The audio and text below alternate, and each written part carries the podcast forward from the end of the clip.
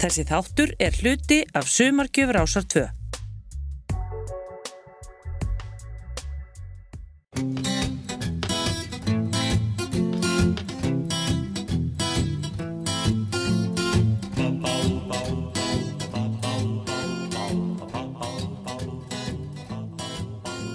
Velkomnir hlustendur góðir að viðtækjónum. Ég heiti Arnar Ekkert Tórótsen og þið er að hlusta á Rás 2. Hérna næstu tvo tímana eða svo ætla ég að vera með ykkur og grein ykkur frá sögu hljómsætirinnar Proclaimers.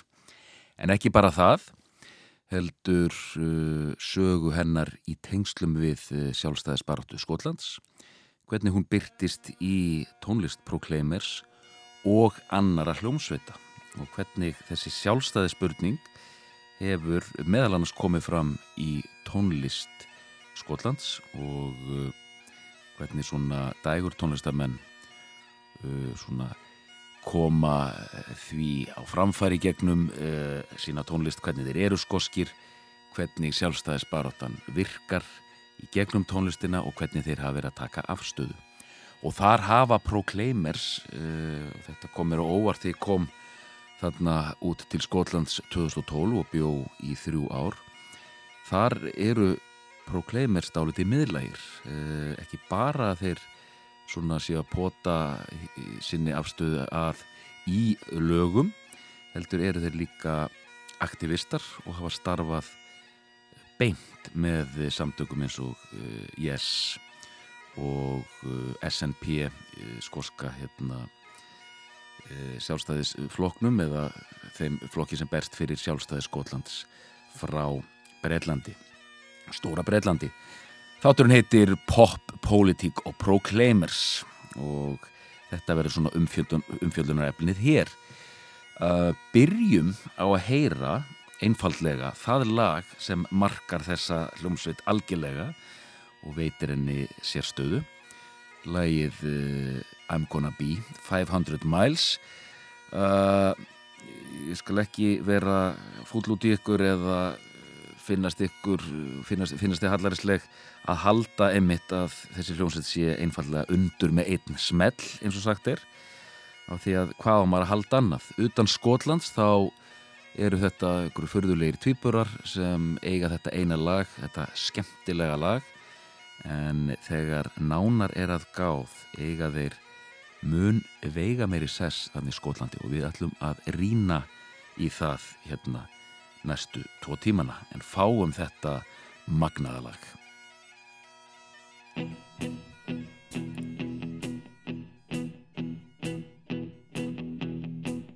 When I wake up, well I know I'm gonna be, I'm gonna be the man who wakes up next to you. When I go out, yeah I know I'm gonna be, I'm gonna be the man who goes along with you. If I get drunk, I know I'm gonna be, I'm gonna be the man who gets drunk next to you. And if I haver, yeah I know I'm gonna be, I'm gonna be the man who's havering to you. But I would walk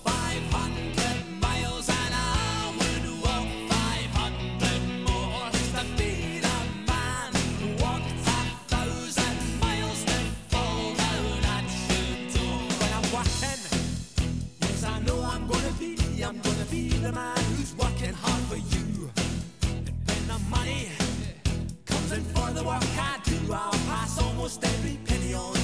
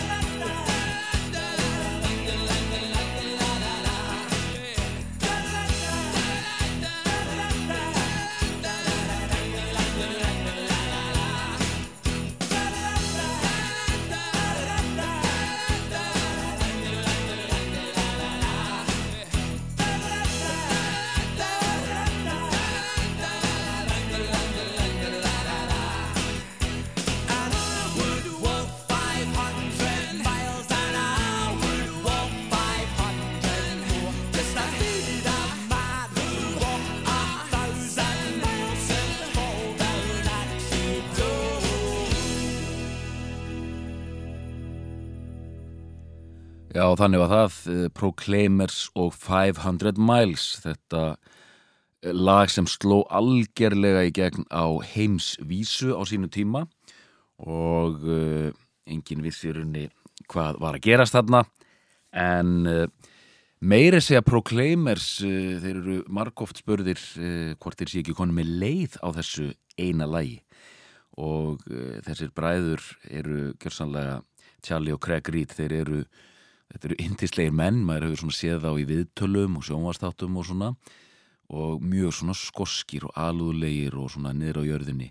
Og þeir segja bara beint út alls ekki, þetta er lægið sem gaf okkur öll þessi tækifæri og við erum aldrei leiðir á að spila það og bara spilum það hvenar sem er og hvenar sem fólk er til í að heyra það.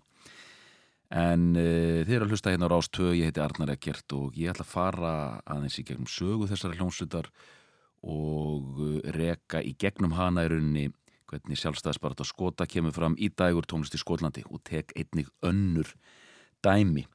En uh, hljómsveitin Proclaimers, hún var stopnud sem sagt af tvipurónum, Charlie og Craig Reed, þeir eru oft spörðir, er þetta ekki förðulegt, er þetta ekki með hérna svona telepatist samband? Og eins og eitt er að saði maður veit aldrei hvori hvor.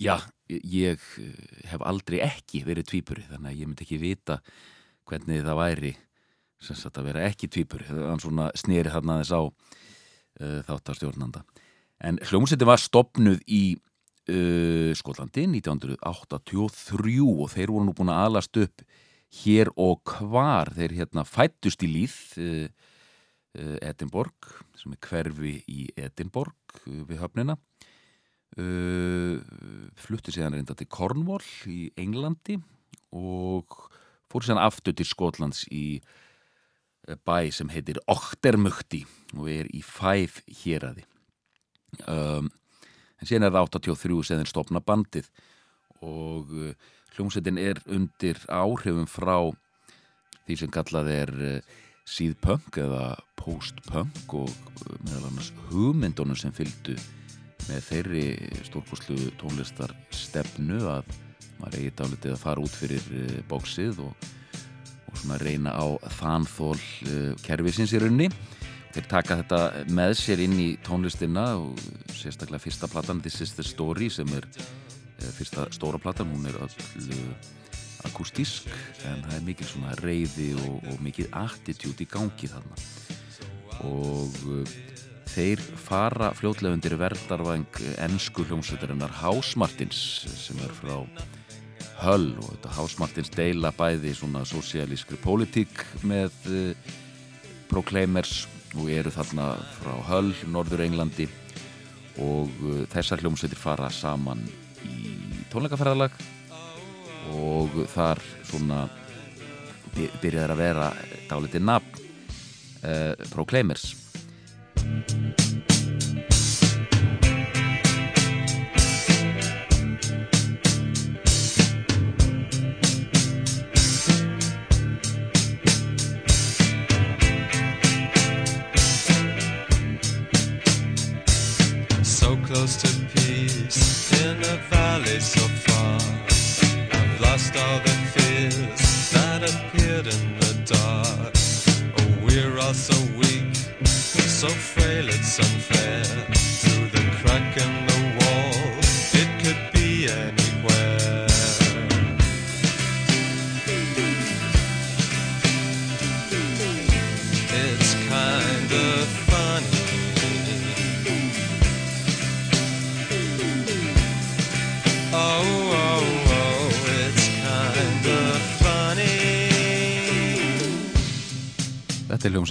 Joseph K. og lagið It's Kind of Funny en tónlist þeirra rammar mjög vel inn þessa tónlist sem var að óma í Skotlandi í byrjun nýjönda áratugurins og átt þetta að hafa mikil áhrif á Proclaimers.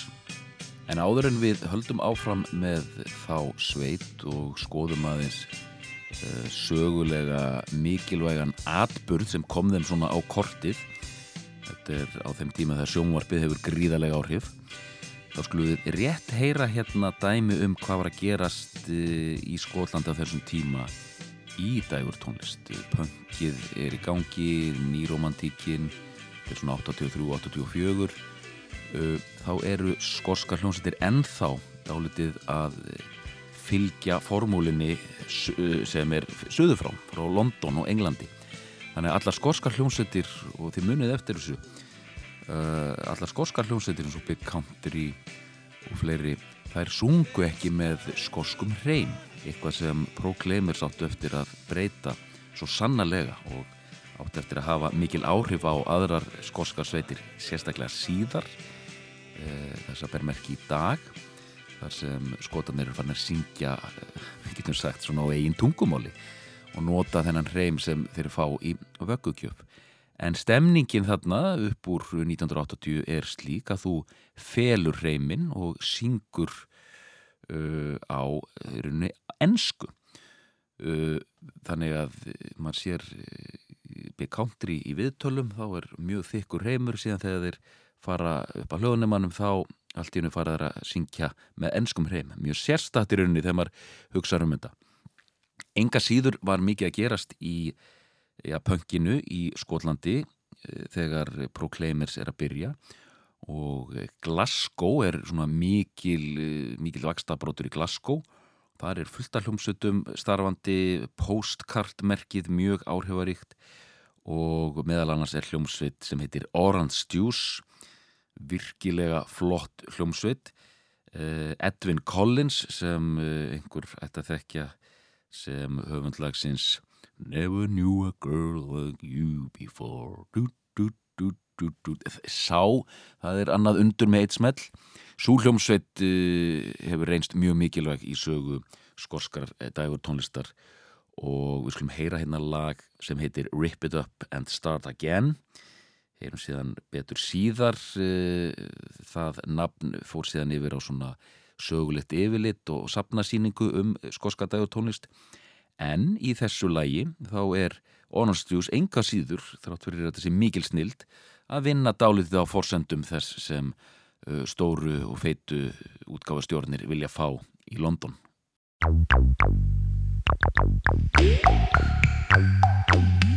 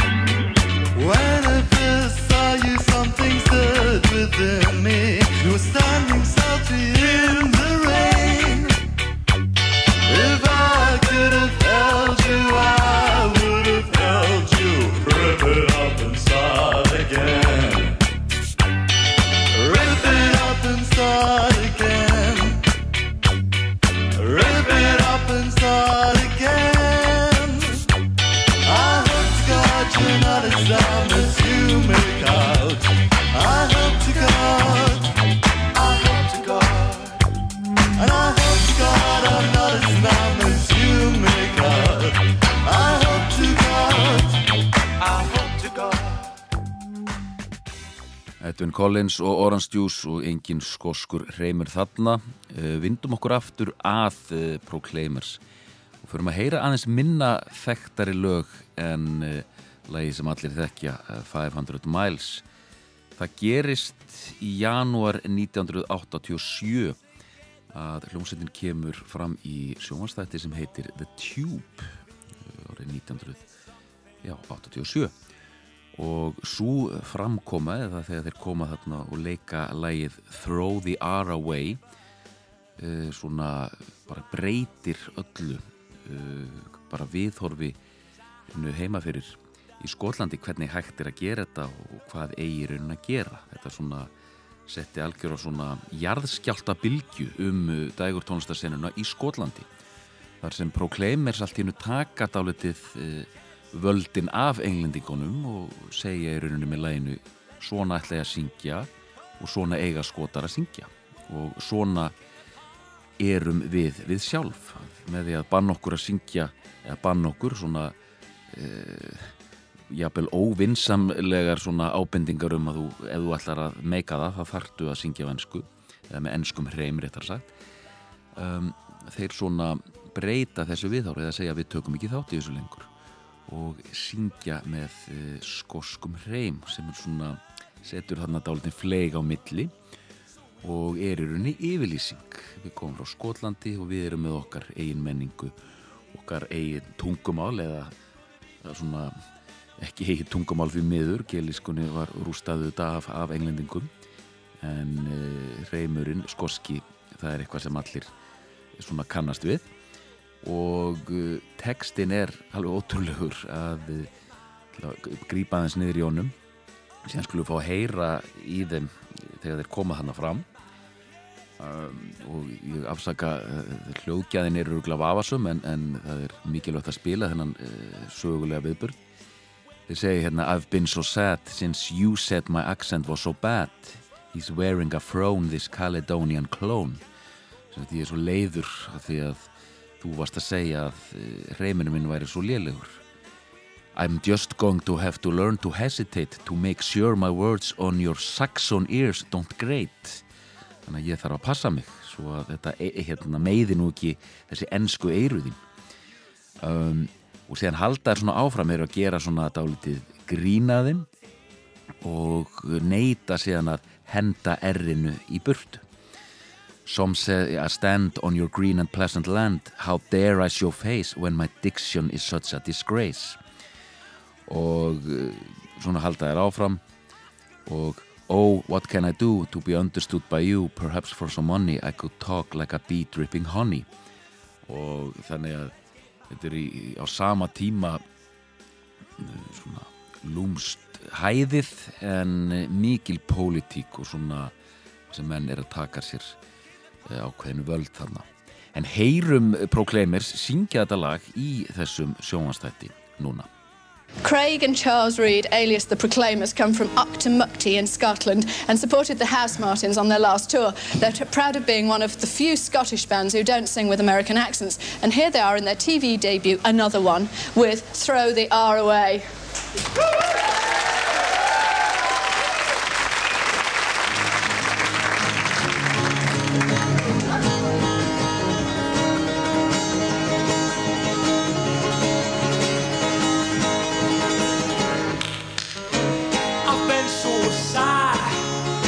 Said my accent was bad.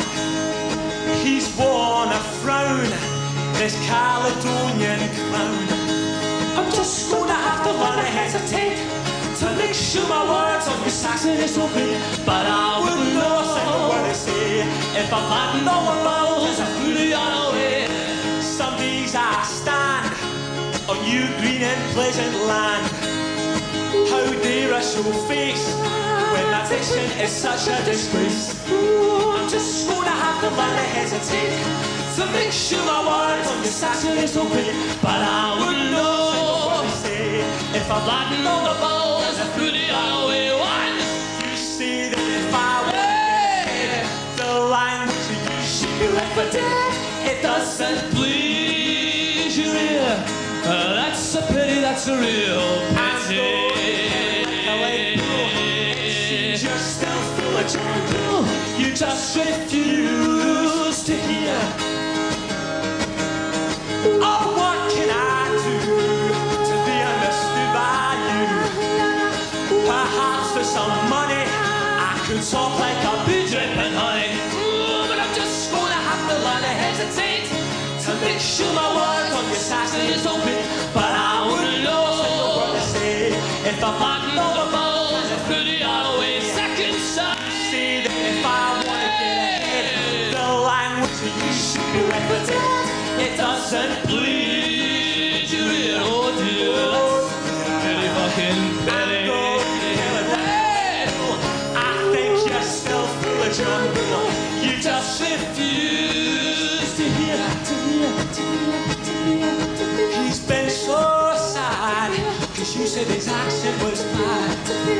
He's worn a frown, this Caledonian clown.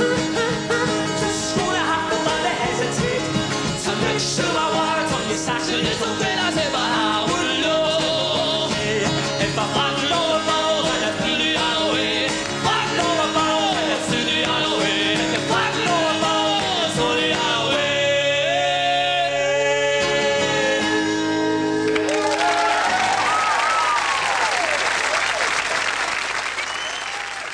Proclaimers að gera allt vittlust í enska sjónvarpinu og taka þarna harða afstöðu með sér og sinni þjóð og þetta er lagið sem eh, opnar fyrstu breyðskifu Proclaimers sem kom út 1987 og heitir This is the Story. Svo plata er algjörlega sagt, akústísk, það eru bara kassagítarar og síðan söngarattir bræðrana og e, þeir toppuðu snemma mætti segja. Þetta er að mati þessa gaggrinata hér e, toppurinn svona listræn toppur þeirra bræðra. E, platan sem kom út ári síðar er þetta þekktari Sunshine on Leith en það er einhver rosalega svona mikil kraftur og sannleikur í þessari fyrstu plötu. Og þarna eru fleiri lög til dæmis hið frábæra Letter from America.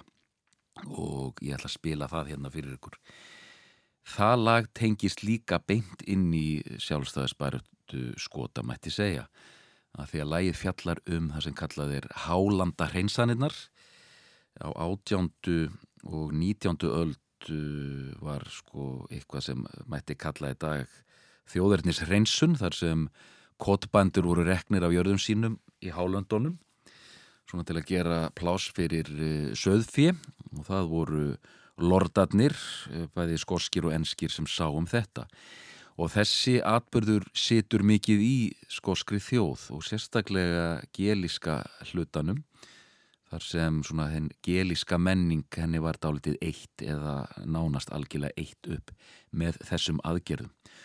Og þetta er mjög svona melankólist og harmþrungi lag mætti segja, Letter from America þar sem hefur að segja frá því fólki sem var meðal annars ótað úti og, og rekið til allarleðina til Ameríku þar sem það þurfti að setja stað að þannig er einhver að skrifa heim. Hann er að senda bref frá Ameríku og þeir bræður telja upp þá staði eða þeim stöðum sem var eitt og bara svona rústað þarna í hálöndunum. Við ætlum að heyra þetta laga til í tveimur útgáfum bæði kassagítar útgáfa en líka með uh, hljómsveit. Og ég ætla að spila þessa hljómsveita útgáfu uh, og það er það var sjálfur Jerry Rafferty sem sáum að taka lægið upp og setja svona aðeins markasvætni áferð á það mætti segja. Og hann setur meðal annars svona svona, svona, svona skost intro á lagið, svona einhvers konar flauta sem minnir á skoska þjóðlega tónlist. Að því að það er dálítið merkilegt að tónlist Proclaimers, hún er vísun í ameríska þjóðlega tónlist og blues og rock og, og þessi já, það er aldrei verið að vinna beint með skosku þjóðlega tónlistina í eh, tónlist Proclaimers. Þetta er einhvers konar ameríst poprock og uh, hendi þessum móla líka í ykkur. Ég hefur alltaf þótt þetta vera dálitið aðeinsvört. En heyrum uh, þetta lag, Letti frá Amerika, Gullfall.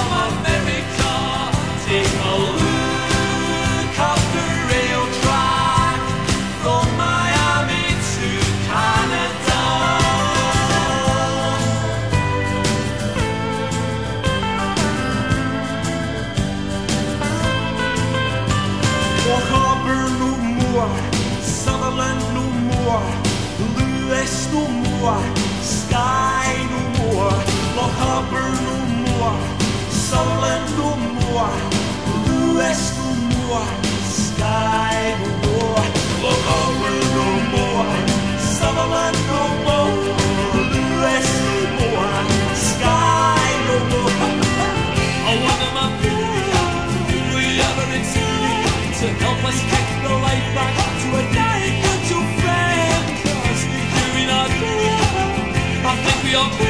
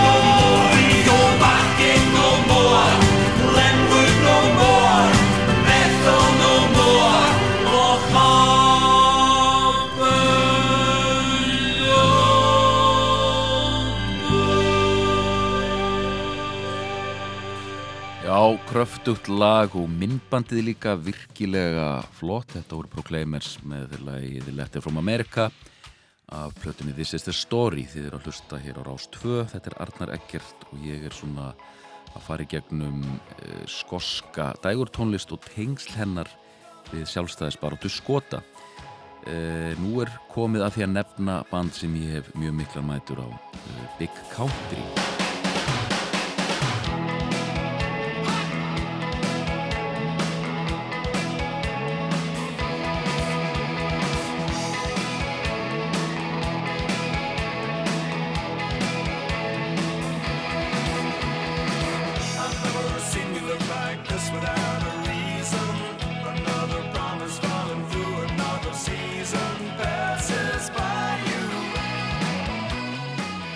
Hvar þetta þeir inn í þessa jöfnu alla? Jú, þeir urðu, þetta er sagt Rocklumsveit frá Dunfermlin, uh, varð mjög vinsæl. Ko- Fyrsta plata þeirra kom út árið 1983. Uh, strax árið síðar kom út platan Steel Town 84 og þeir verða svona heimsfrægir. Og, en þeir einhvern veginn fara aldrei beint í, getur við sagt, einhvers konar sjálfstæðis baráttu í gegnum sína tónlist en það eru ímið svona skosk minni sem er að finna í þeirra tónlist. Til dæmis bara skirturnar sem þeim voru í þessar hérna skota munstur skirtur og það er svona liggur skoska dæmi svona liggur dálítið yfir þeim bara hvernig plötu albúmin eru vídjóan sem þeim gerðu. Og að sjálfsögðu þessi setja pípu gítar sem uh, margir áttu erfitt með og þeim var álasað fyrir mendaði með því að þeir svona hendu þessum stórkostlega hljóm út. En ég vil fá Big Country inn í þennan þátt af því að uh, þeirra framlag til sem kalla þessa sjálfstæðisbaráttu eða það að svona merkja betur þessa þjóðar ímynd skota liggur í þessu hjarta sem Stuart Adamson megin höfundur Big Country hafði fyrir verkalýðnum og hinnum vinnandi manni. Og uh, hann skrifaði mikið af svona fallegum textum sem snertu beint á því uh, lög eins og uh, Wonderland, East of Eden og læginu Chance sem ég ætla að spila hérna. Svona flottar og raunsæjar lýsingar á fátæku fólki og hvernig það er að vera berjast í bökkum hann í Skotlandi og það tengist aftur byggt inn í þessa hugmyndum sjálfstæðið að eh, Skotland hefur oft orðið fyrir eh, barðinu á ákveðnum aðgerðum þarna í Englandi eh, nefskatturinn. Þannig að Big Country eiga sitt framlagi að halda svona skoskum gildum að. Þannig að heyrum þetta lag Chance og hlustiði sérstaklega á texta, mjög svona romantískur fallegur en lýsir svona ákveðinu örbyrð og já, ég voru að segja vonleysi jáfnvel. Heyrum þetta lag Chance, eh, mjög falleg ballaða úr Ranni Big Country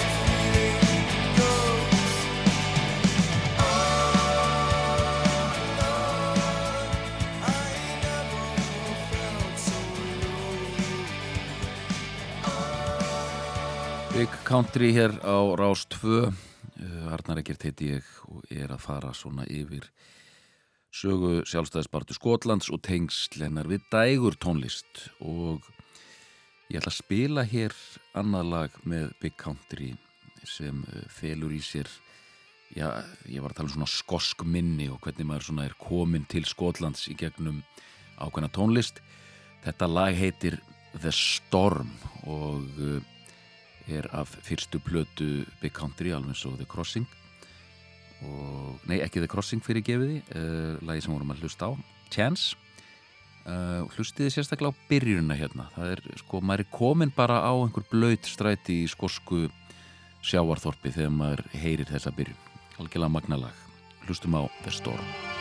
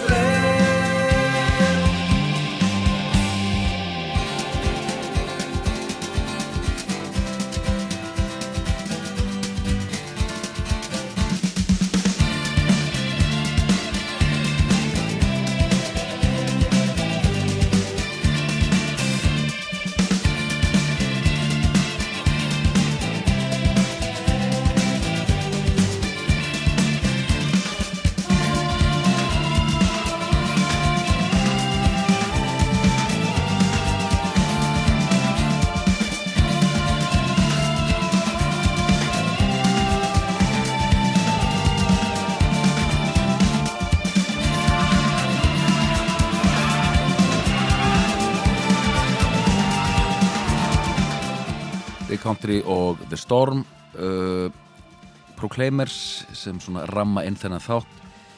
Aðtugum það að það er ekki bara það að þeir sé að semja texta sem fjalla beint og óbeint um uh, sjálfstæðisvaratu og sjálfsmynd Skotlands heldur eru þeir beinir aktivistar og hafa unnið með samtökum sem stuðla að uh, sjálfstæði Skotlands beint. Uh, og ég ætla að spila hérna uh, stutt viðtalsbrot þar sem þeir koma á framfæri ákveðnum punktum og uh, ég snara síðan uh, viðtalinu fyrir ykkur að sjálfsögðu þegar því er lokið en fáum að heyra rattir þessara ágætu manna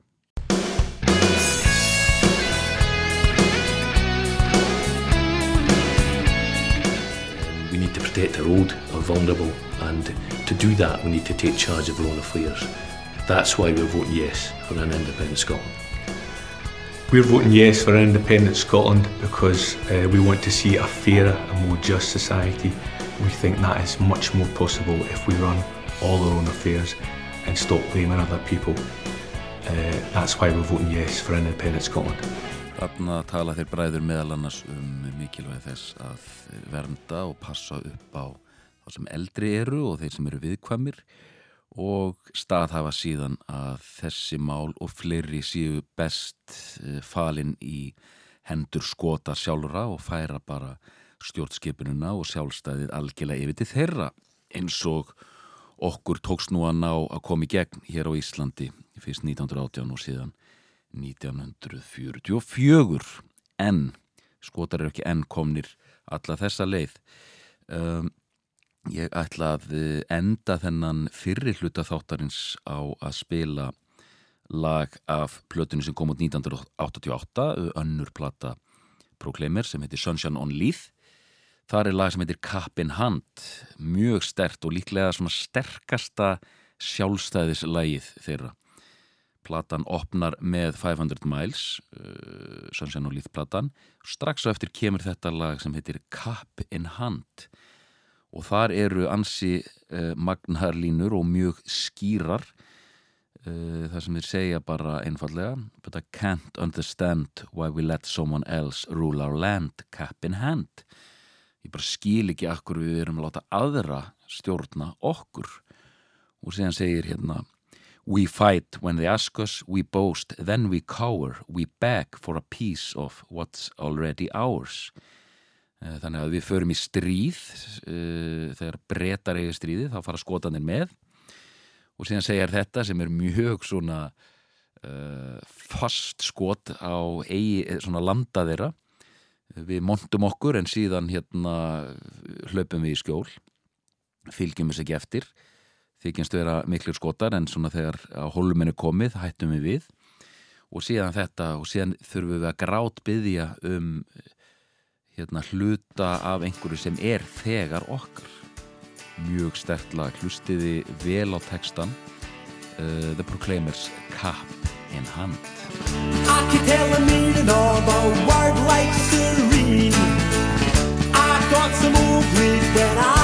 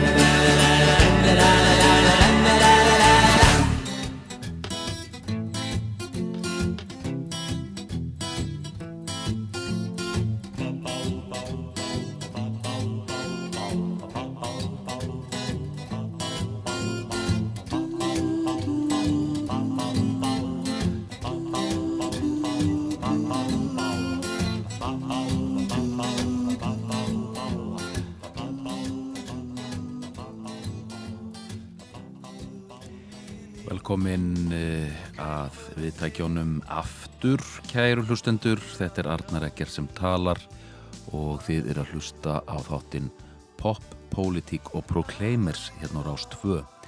Þar sem ég hef verið að reka svona sögu Proclaimers og annara skoskra poppljónsetta og tengsl þeirra við sjálfstæðisbartu Skotlands og hvernig þessi skoska þjóðarímynd kemur fram í poptónlist. Uh, við höfum verið að hlusta á slatta lögum með Proclaimers og heyrðum mér að segja í þeim tjá sig á þessi stórkustlu Edinborgar 5 uh, skosku. En uh, við ætlum að færa okkur yfir í annað band áður en við förum aftur í Proclaimers. Það er hljómsveitin Deacon Blue. Deacon Blue fyrir mér var maður gerði sér valla grein fyrir þeir vær þetta væri skosk sveit var svona poppljónsveit þarna á nýjönda áratögnum en þegar ég bjó sem sagt í Skólandi og rakst meðal annars á einn tvíburan úr Proclaimers oft á gangi ég þorði hins vegar aldrei að hérna, hóa í hana því ég vissi ekki hvort þetta var. En ég var mikið inn í þessum málum þar sem ég skrifaði meðal annars mastersritgerð um þessi mál þar sem ég var að pæla í þessum sjálfstæðismálum og poptónlist. Um, þegar ég var að tala við hinn almenna skota getur við sagt þá var þessi hljónsett Deacon Blue oft nefnd sem hinn svona algera skoska sveit og ég skildi aldrei af hverju að því að hún var svona mjög amerísk og gerði út á þann hljóðheim einhvern veginn. En ég var alltaf stoppaðar af og sagt eh, svona, já, það er eitthvað rosalega skost við þessa hljómsveit. Það er bara eitthvað við þessa hljómsveit. Vist, hvernig þau tala, viðhorfið og svo framvegis og bandið kemur líka frá Glasgow.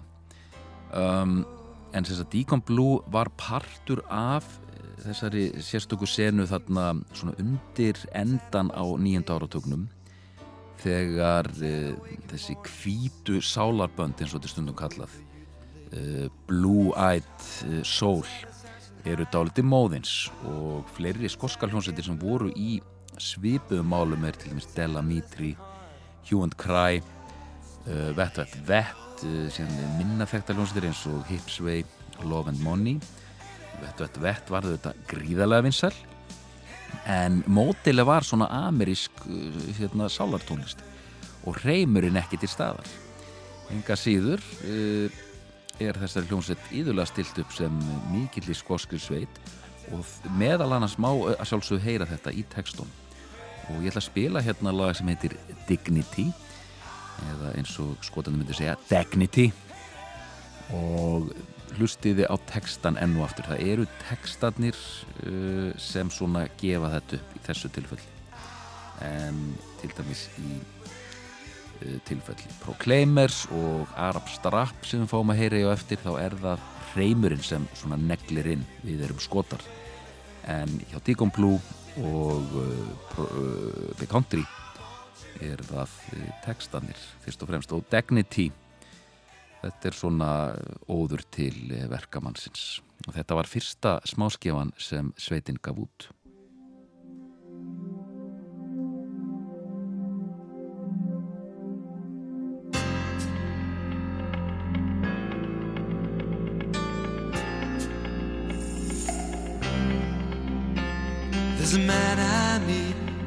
Walks up our street. He's a worker for the council, has been 20 years. And he takes no lip of nobody and litter off the gutter. Puts it in the bag and never thinks to mutter. And he packs his lunch in a Sunday's bag. The children call him Boogie. He never lets on, but I know cause he once told me. He let me know a secret about the money in his kitty. He's gonna buy a dinghy, gonna call her Dignity.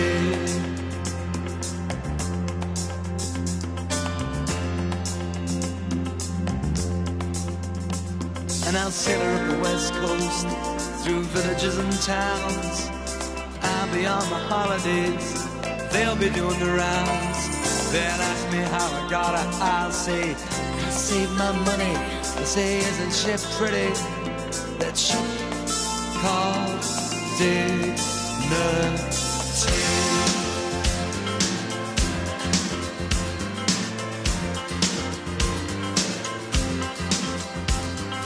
telling a story in a faraway sea, sipping down raki and reading Maynard keys. and I'm thinking about home and all that that means, and a place in the winter for dignity.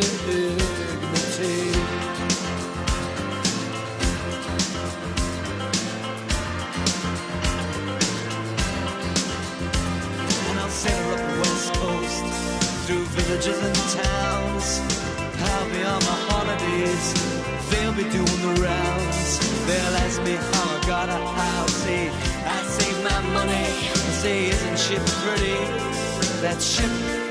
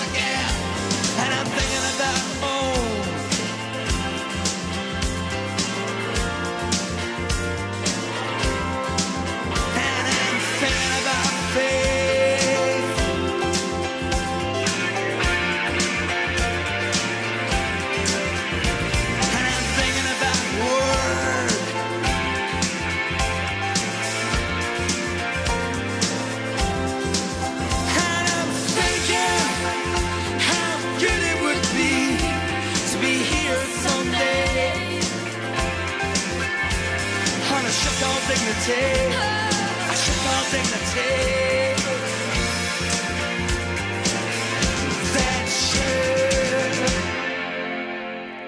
Deacon Blue og Dignity eða Dignity eh, með skemmtileg reyminni þeir segja ekki mix, þeir segja max. Þeir segja ekki pain, þeir segja pin. Um, förum í Proclaimers eh, sem er nú svona útgangspunktur þáttarins og höldum okkur aðeins við plötuna Sunshine on Leith sem margir ættu nú að kannast við eh, fólk á mínum aldra minnstakosti og eldra. Þetta er platan sem kom þeim á kortið hljómsveitinni og enn í dag er hljómsveitinar minnst fyrir þessa plötu. Skulum aðeins fara í það á eftir hvernig þeirra ferill hefur verið eftir þetta. En þannig er árið 1988 og bræðunir eru vinsalir. Og þetta er popljónsett, þetta kemst í útvarpið en það er boðskapur sem snýr af skoskri sjálfstæðis baráttu getur við sagt. Um, ég ætla að spila hérna tvö lög af plötunni. Fyrsta heitir I'm on my way sem er svona grallaralegt lag. Uh, strax á eftir ætla ég að spila lagið Sunshine on Leith sem er titil af plötunar. Um, um þessi lög og svo ég rammiðu inn, inn þessa þáttar vil ég segja ég var einu svona að keira með skoskri fjölskyldu skella mér í sjósund nema hvað. Og eh, ég er að segja þessum vinum minni frá því að ég sé að skrifa rítgerðum skoska þjóðar í mynd og slíkt. Og síðan kemur þetta lag í útvarpið. Og þar sem segir meðal, meðal annars I'm on my way from misery to happiness to D sagt frá uh, sorg yfir í hamingju. Og þá segir uh, vinkona mín skosk ó þetta er svo skost. Og ég bara býtu hvað er svona skost við þetta? Og þá kemur alltaf þessar, þessar uh, skýringar sem fólk veit ekki nákvæmlega af hverju. Þetta er svona eins og með okkur hérna Mannakotn, Bubi Mortens veist, hvað er svona íslenskt við þetta? Við, já, já Mannakotn þetta er kannski ekki beint íslensk tónlist þetta er einhver blues rock tónlist en það er eitthvað í tekstunum sem við tengjum við af því að við erum íslendingar. Og þarna kemur þessi skoska vinkona mín með þessa skýringu að það sé bara eitthvað í þarna viðhorfinu og þessu garallara gríni I'm on my way from misery to happiness sem eh, er óðala skost. Um, setnalæði sem við heyrum Sunshine on Leith sem er svona ballaða og er orðin svona leikvanga ballaða þetta er orðið svona óopenbert þjóðlag eh, Hips, það eru tvö knaspindulið þarna í Edinborg. Það er Hearts og síðan Hibernian eða Hips, þeir eru í Leith. Og eh, þegar þetta lag er spilað á tónleikum þá fara allir kveikjarar á loft. En heyrum þessi tvö lög, tvær hliðar á Proclaimers, eh, grallara grínið í I'm on my way og síðan balladan Sunshine on Leaf. I'm on my way from misery to happiness to thee Aha, aha, aha, aha I'm on my way from misery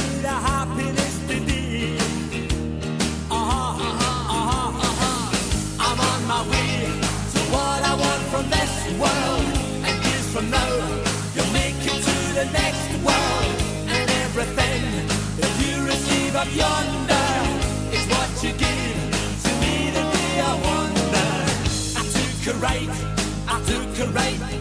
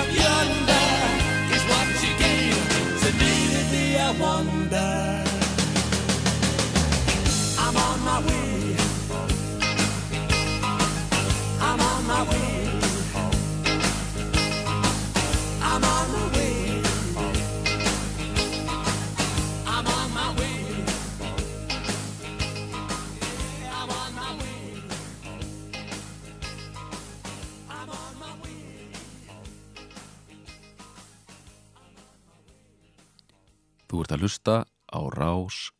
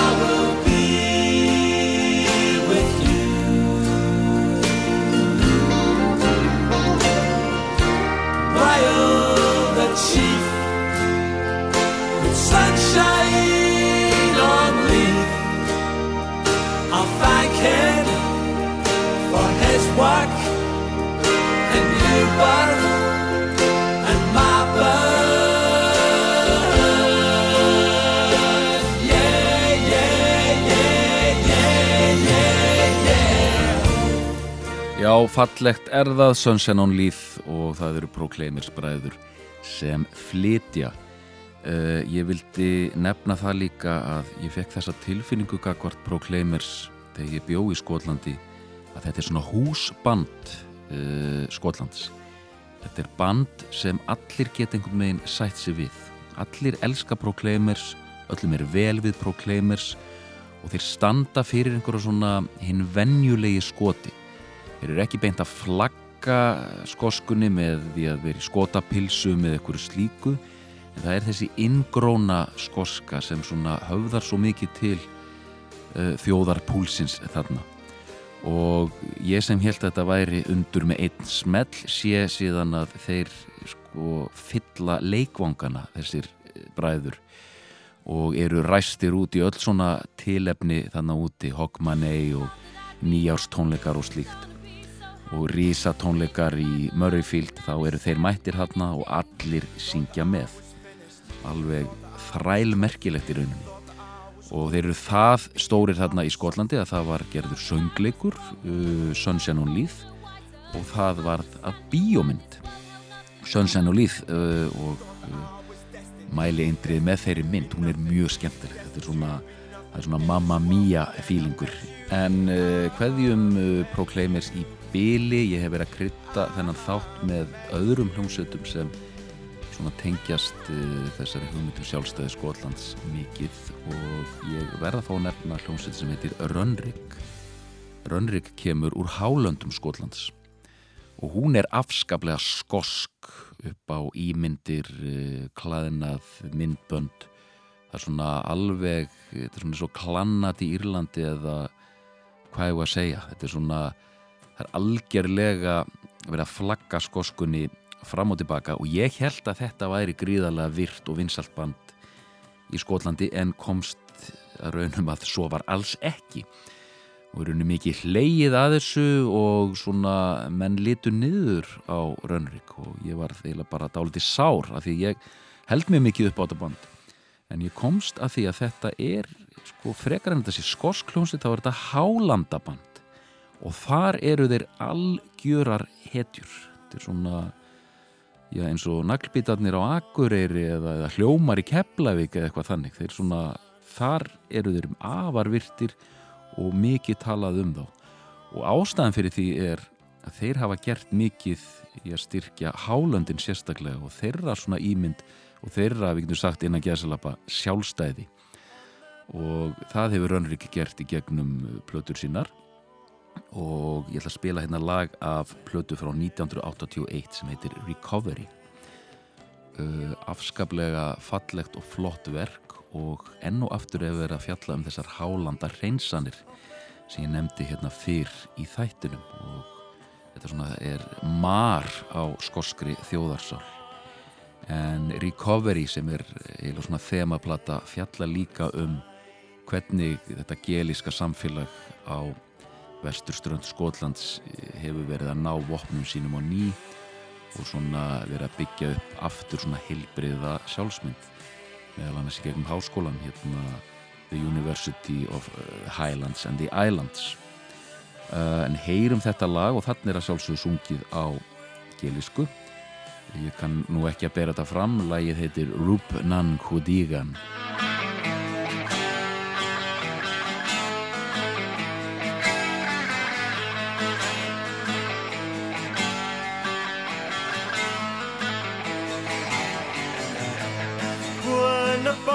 barneke, na barnik. barneke, krek en win en kutteken, boene barneke, barneke, barneke, skille sine barneke, sin teier en kutteken, bahine ma, hane ma, erike, sikje, bahine ma, hane ma, ver en kutteken, bahine ma, hane ma, erike, sikje, nafi sine barneke, sikje, mine kutteken, kille sine barneke, ne barneke, Gel şimdi bana sen tayarını kızdık Gel şimdi bana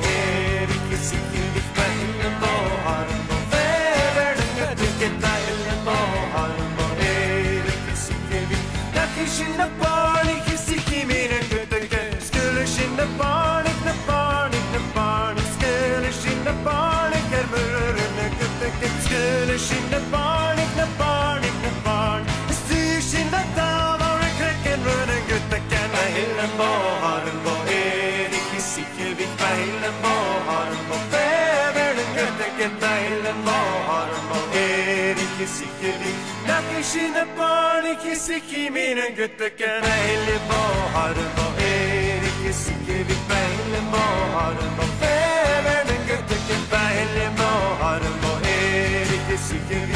Lakin şimdi bani kesi kimine gütteke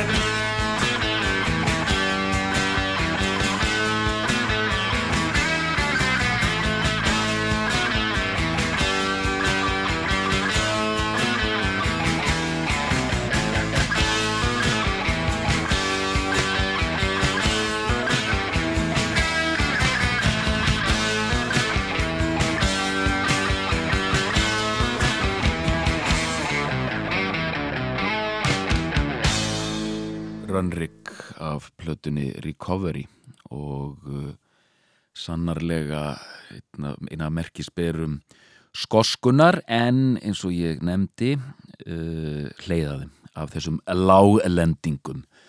Ok, ég ætla ekki að fara að bölva henni í, í útdorpi þið eru að hlusta á Rás 2 ég heiti Arnar Ekkert Tórótsen og við erum að fara yfir sjálfstæði Skotlands og tengsl þess við dægur tónlist eh, landsins og öfugt höldum áfram með uh, Proclaimers. Og ég er búin að gera hérna skil þessum fyrstu tveimur plötum þeirra This is the Story og Sunshine on Leith. Uh, eftir Sunshine on Leith þá kom dálitið gat. Uh, næst sem við heyrðum í frá þeim var tökulaga stutt skífa þar sem þeir meðal annars spiluðu lagið King of the Road en síðan þurfti fólk dálitið að býða og þeir hafa talað um það sjálfur að það var allt of laung langt gata á milli platna til dæmis á tíund áratöknum en undanfarna að þennan fyrsta og uh, annan maður þarf að fara að tala svona greinlega er Proclaimers að keira bara frekar uh, já, stöndugan feril, það er plata á kannski tveggja þryggjára fresti og þeir halda tónleika mjög reglulega í heimalandinu og víðar. Og eru svona, án þess að ég ætla að gera lítið orðum, bara eitt af húsgögnunum þarna í, á skoska heimilinu.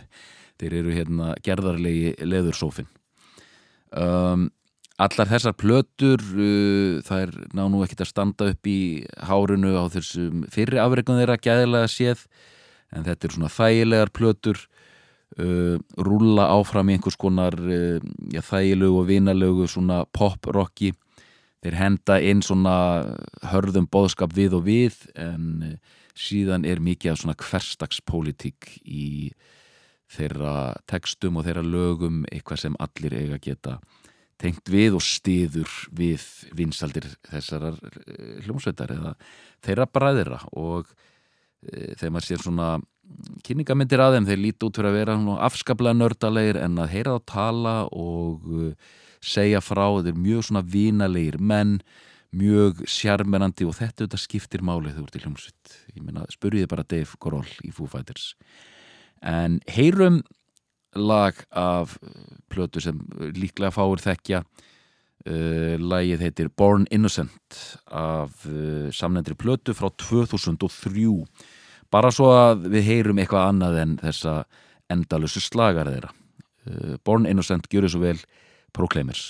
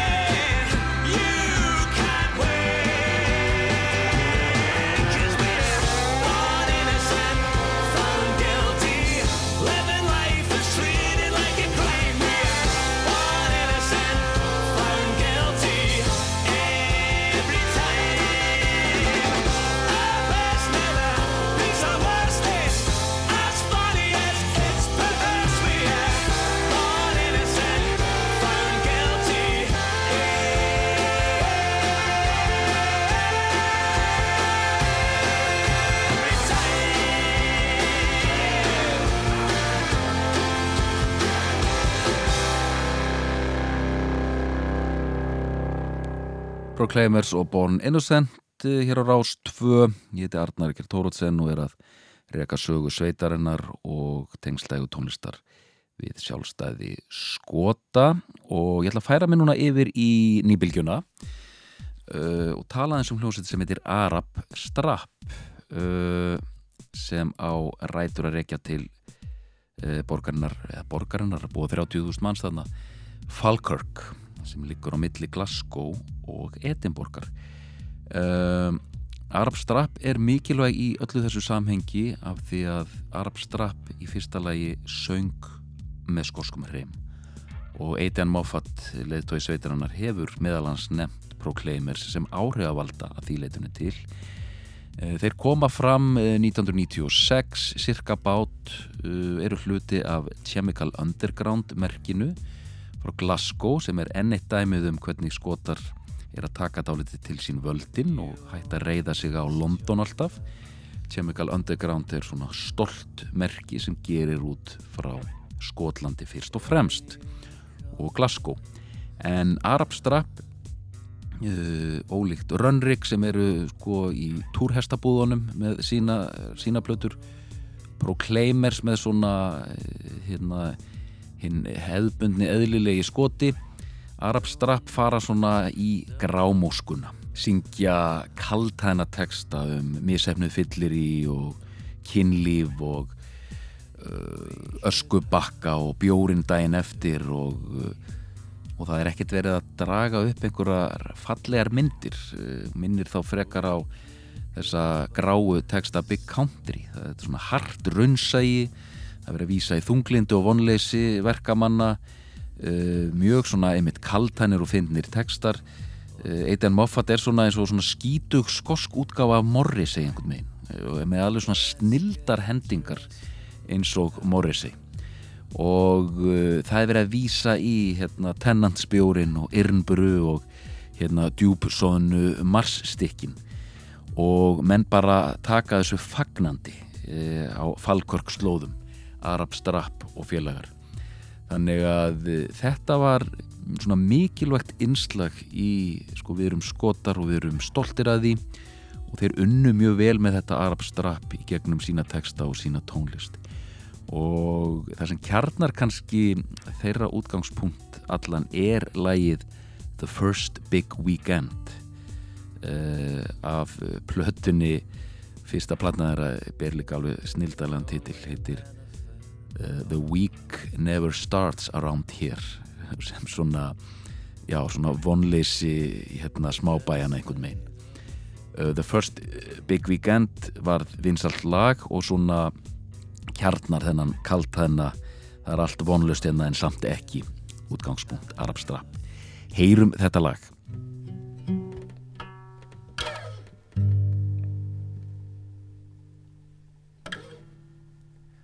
So that was the first big weekend of the summer. Starts Thursday as usual with a canteen quiz, and again no one wins a big cash prize.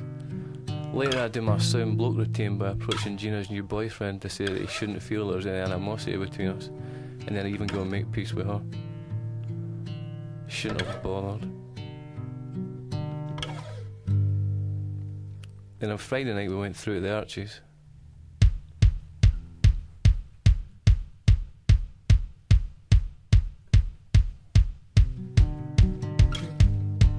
There was only one car going, so someone had to get the train. We got through quite late and we went to a pub to take the gear. There was no problems getting in, we saw others waiting in the front of the queue, so we skipped in. It was a good night, everyone was nutted and I ended up dancing with some blonde girl. I thought she had been quite pretty until last night when Matthew informed me she had in fact been a pig.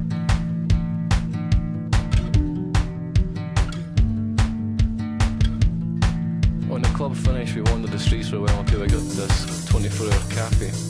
I didn't like look at it, so we left and got a taxi back to Morag's flat. I couldn't sleep, so I sat about drinking someone else's strawberry tonic wine and trying to keep everyone else up.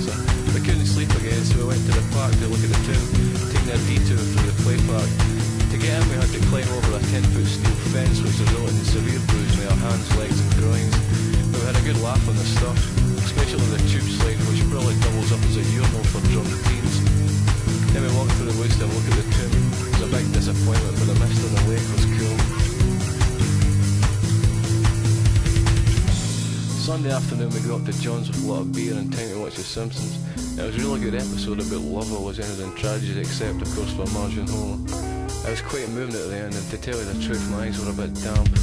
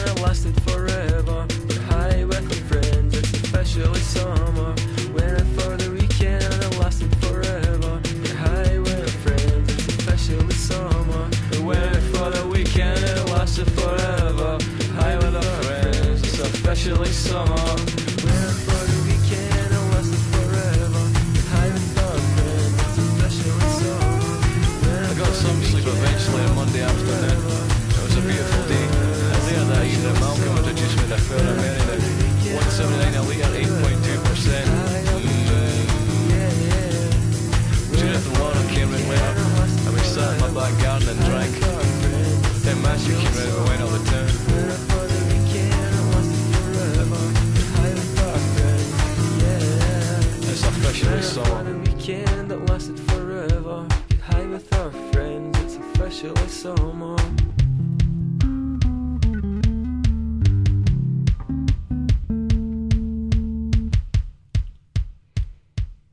Arabstrap, uh, Eitan Moffat, hann uh, er mjög virkur í skoskri tónlist, hefur meðal annars gefið út barnabækur, soloplötur og uh, alls konar. Uh, sni, mikil snillingur, er, og, og mikil Twitter snillingur líka, hann slæðir nánast og nánast, segi ég, hérna James Blunt við í þeim efnum. Um, við erum svona nálgast uh, lokin hérna, það er ekki mikið eftir hjá okkur en uh, mér langar til að draga þetta aldrei saman og sína hvað skotanir er að gera í dag. Karin Polvort er þjóðlega söngkona skosk og hún er að fara að gefa út plötu þar sem hún svona tekst á við það sem hún kallar þessa skosku söngbók. Og meðal annars er hún að flytja með uh, sínum hætti lög eftir Big Country og uh, Deacon Blue og við ætlum að heyra hérna hennar útgáfu af uh, læginu Dignity, Dignity með Deacon Blue. Og í þessu sambandi vil ég líka nefna þessi svona vakning sem hefur verið í gangi kannski undanfærin tíu ár að bara í fyrra var gríðalega stór síning sem hétt uh, Rip It Up og vísar í lag Orange Juice sem við heyriðum fyrr í þessum þætti og það var öllu til tjaldað, eh, það var bók sem fylgdi þessu, plötur sem fylgdi þessu og heimildar þættir fyrir BBC um, sem ég hvet ekkur til að nálgast þar sem þetta er sett allt í mikið samhengi. Þannig að það er mikil meðvendund í Skotlandi eins og staðan er í dag um hver þau eru og dægutónlistamennir leggja sannlega sitt af mörgum Ég fór líka að hugsa um uh, svona við, uh, viðlíka dæmi hér og Íslendingar sem voru að sjálfsögðu orðnir sjálfstæðir en uh, tökum dæmi um síðustu tvær plötur spilverksins til dæmis, spilverk þjóðana plötur sem heita Ísland og Bráðabirðabúki þar er til dæmis að finna snildalega texta sem lýsaði mjög skemmtilega hvernig það er að vera Íslendingur. Það aldrei verið að taka til sín völdin, við erum Íslendingar með okkar sérkenni og það allt. Við getum líka farið eh, til annarar eigjar uh, Færeia þar sem hljómsettin Klikkheis á sínum tíma var mjög umhugað um sjálfstæði Færeia og eh, þessi færiski andi eh, leggst líka svo sannarlega yfir tónlist eivarar þannig að er, þetta er gert með ýmsum hætti og uh, eins og ég hef sagt hérna með Proclaimers þeir bæði svona sauma þetta á lúmskan og ólúmskan hátt inn í lögin sín en eru líka bara aktivistar og eru að berjast fyrir sjálfstæði Skotlands. En áður en við kveðjum uh, Proclaimers, við fáum nú að heyra eitt lagi viðbót með þeim. Þá skulum við heyra þessa útgáfu Karin Polvort sem ég var að nefna af uh, laginu Dignity. Og ég mun aldrei segja Dignity aftur nú segi ég bara Dignity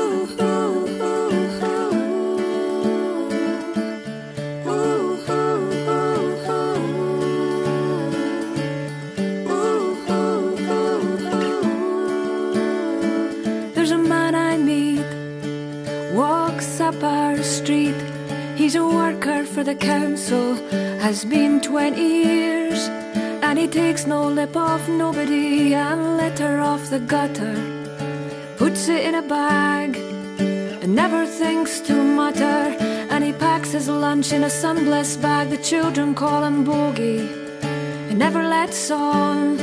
But I know cause he once told me He'll let me know a secret about the money in his kitty He's gonna buy a dinghy and call her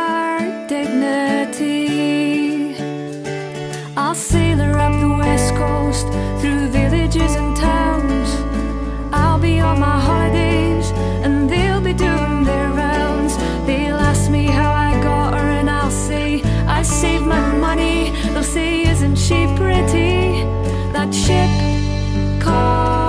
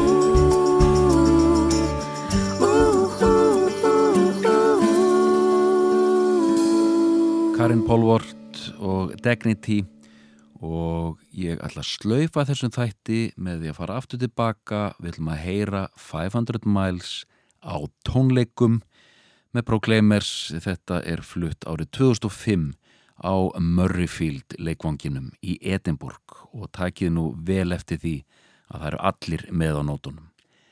Takk kærlega fyrir mig því voru að hlusta á Arnar Ekkert hér á Rás 2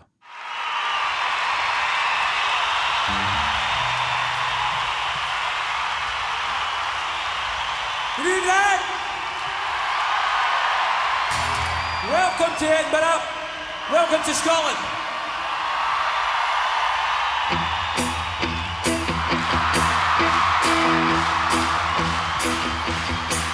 When I wake up, well, I know I'm gonna be, I'm gonna be the man who wakes up next to you. When I go out, yeah, I know I'm gonna be, I'm gonna be the man who goes along with you. If I get drunk, well, I know I'm gonna be, I'm gonna be the man who gets drunk next to you. And if I heaver, well, I know I'm gonna be, I'm gonna be the man who's heavering to you.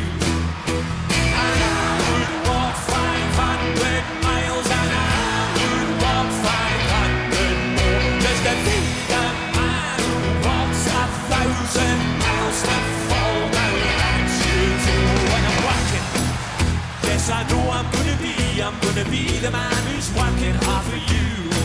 And when the money comes in for the work I do, I'll pass almost every penny on to you. When I come home, yeah, I know I'm gonna be, I'm gonna be the man who come back home with you. And if I roll, well, I know I'm gonna be, I'm gonna be the man who's going home with you.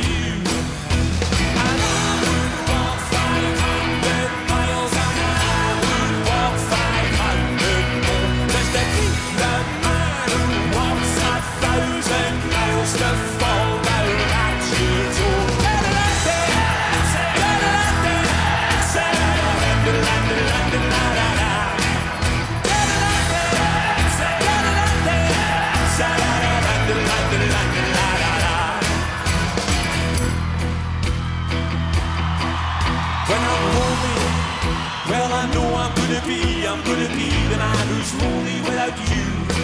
And when I'm dreaming, yeah I know I'm gonna dream, I'm gonna dream about the time when I'm with you.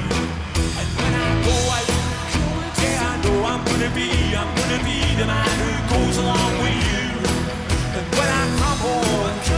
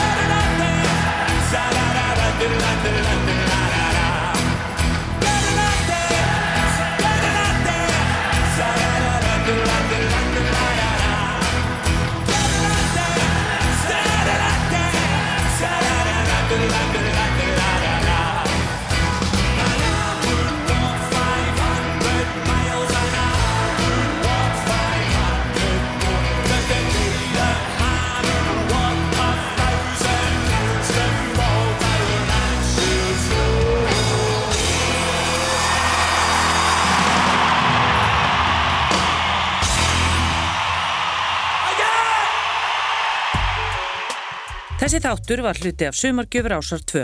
Þú getur nálgast fleiri þætti úr Sapnir Ásar 2 í spilaranum á rúf.is, í rúf appinu fyrir snjalltæki og öllum helstu hlaðvarpsveitum.